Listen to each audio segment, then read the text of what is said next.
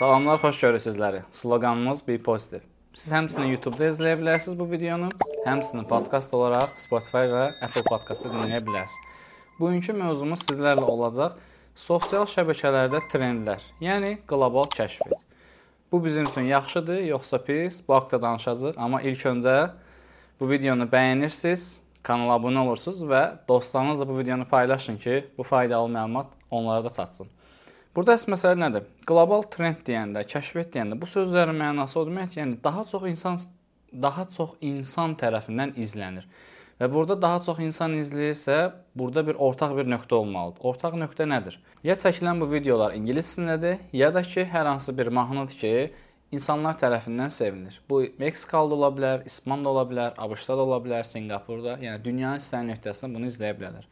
Burada məsələ nədir? Bildiyiniz kimi yaxın müddət ərzində Azərbaycanda da Çağayev e, fitness ilə demək olar ki, dünyaya çıxdı, daha çox insan qarşısına çıxdı və izləndi. Bunun müsbət və mənfiləri nədir? Yəni bizim sahədən çox şey asılıdır. Əgər biz hər hansı bir e, proqramlar onlayn şəkildə satırıqsa, məsələn, ingilis dili müəllimi ola bilər, fitness müəllimi ola bilər, e, dietoloqlardır. Yəni bunlar əgər proqramı belə deyək, onlayn şəkildə sata bilirlərsə, bəli, o şəxslər üçün önəmlidir. Yəni o şəxslər qlobal kəşfiyyat üçün elə videolar çəkərək daha çox auditoriyanı əldə edirlər və daha çox belə deyək, e, müştəri qazanmış olurlar. Amma onlar əlbəttə ki, artıq əgər Azərbaycansa, burada Azərbaycanda şirkətlərlə işləyə bilməyəcək. Çünki e, burada auditoriya e, çəkilən reklamlar, belə deyək, məhsullar Azərbaycanlı olduğu üçün həmin şəxslər sizin çəkdiyiniz reelsləri və hekayələri, yəni storyləri başa düşməyəcəklər və izləməyəcəklər. Və ona görə sizin risklər və hekayə baxışları aşağı olacaq.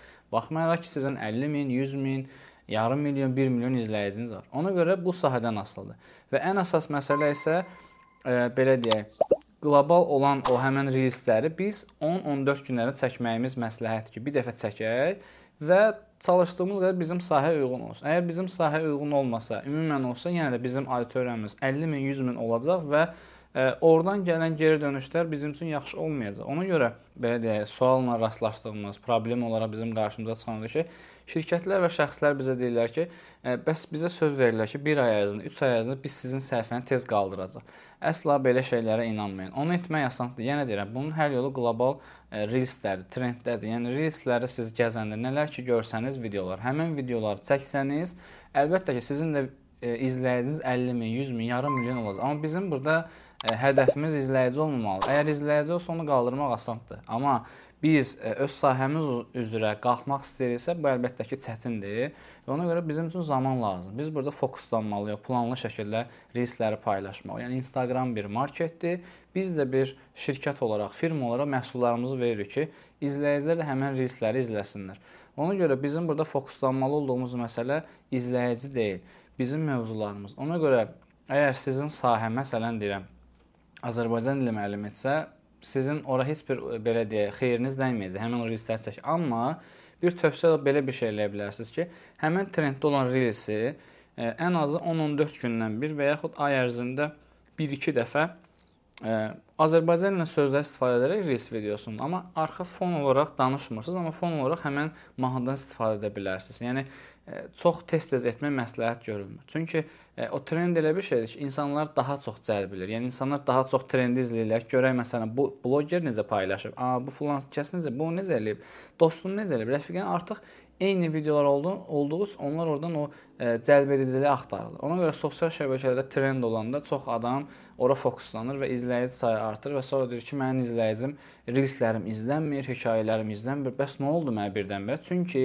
sən qlobal reelslər istifadə edirsən. Yəni bunun e, türklər demiş bu altyapısı çox sadə düşünmək lazım. Yəni dərin deyəndə, yəni bunun düşüncəsi sadədir. Çox belə dərinə düşmək lazım deyil ki, yəni niyə görə mənim bu qədər izləyicim var, reelslərim izlənmir, hekayə baxışlarım izlənmir. Birinci öz səhifəni analiz edəcəksən ki, görüm mən trenddə olan reelsləri çox çəkmişəm, yoxsa az çəkmişəm. Ona görə bu nüanslara diqqət edin. Daha sonra isə səhifənizi analiz edin. Və daha çox bizdə şirkətlər deyirlər ki, influencer, blogerin işləyəndə e, reklam edirlər, amma heç bir müştəri gəlmir. Və burada məsələ nədir? Bizim bəzi influencer blogerlərimiz nə edirlər? Trenddə olan reelslər tez-tez çəkirlər ki, izləyici qalxsın. Yəni insanların e, məşhur olmaq, tanınmaq kimi bir e, hədəf deməyək də, buna bir istəkləri var. Və onları xoşbəxt edir ki, məni insanlar izləyir, amma burada əsas məsələdə keyfiyyət yoxdur, bu kəmiyyətdir. Yəni 50 min, 100 min kəmiyyətdir izləyici, amma keyfiyyət yoxdur. Ona görə çalışın, əgər bir işi görürsünüzsə, mütəxəssislərlə işləyin. Həmin sahəni bilən şəxslərlə işləyin və mən özüm də məsələn hə, bilmədiyim sahələrdə, məsələn, hər hansı sağlam qida ilə bağlıdsa, məsələn, dietoloqlardır, sağlam qida mütəxəssisləri ilə işləyirəm, soruşuram, suallarımı sağ olsunlar cavab verirlər. Mən də bacardığım qədər verilən suallara cavab vermiş oluram, amma artıq səhifənin analizini, səhifənin yaradılması deyəndə artıq burada bir e, əziyyət var, zəhmət var. Biz onu sıfırdan başlayırıq analiz etməyə. Bir plan təşkil edirik ki, izləyiciləri necə artırmaq olar, necə videolar paylaşılmalıdır, hekayədə nələr paylaşılmalıdır, hekayədə necə satış edilməlidir, bio necə hazırlanmalıdır. Yəni bunlar hamısı bir necə deyək, bir işdir. Amma ümumən sual verin ki, burada problem var, hər hansı bir yerdə problem var. Bəli, əlbəttə ki, rəy bölməsinə yaza bilərsiniz. İstənilən sosial şəbəkədə və yaxud burada e, bildiyiniz kimi sosial şəbəkələrdə var. Mənim WhatsApp nömrəm var. WhatsApp nömrəsini birbaşa mənə yaza bilərsiniz. Mən sizə geri dönüş edəcəm. Və ümid edirəm ki, bu sizlər üçün faydalı olur, çünki çox insanlar sual verirlər. Mən də qlobal kəşfiyyata düşüm. Hətta bunu bir eşitmişdim ki, qlobal kəşfiyyata ödəniş edirsən 400-500 manat ki, sənə bir reels videon qlobal kəşfiyyata düşsün. Yəni çalışın belə şeylərə inanmayın. Heç bir belə deyək, heç bir e, yalançı şəxslərdir, yalançı vəddə verən şəxslərlə işləməyin, onlara güvən olmasın sizdə. Çünki e, daha sonra isə gəlib bizə müraciət edirlər ki, hə, bəs biz belə elədik Həmin şəxs bizə söz vermişdi, amma heç bir nəticə olmadı. Yəni bu iş söz deyil. Bu iş sadəcə nəticə nəticədən asılıdır. Yəni işi görürük və nəticəsi var. Amma ki mən söz verim tez 1 ay, 6 aya sizin izləyəcəksiniz, xeyr. Burada sizin özünüzdən asılıdır, sizə sizin güvəninizdən asılıdır, sizin səsinizdən, geyiminizdən, duruşunuzdan, fondan, çəkilişdən. Bunlar hamısı e, bir kompakt bir qutudur.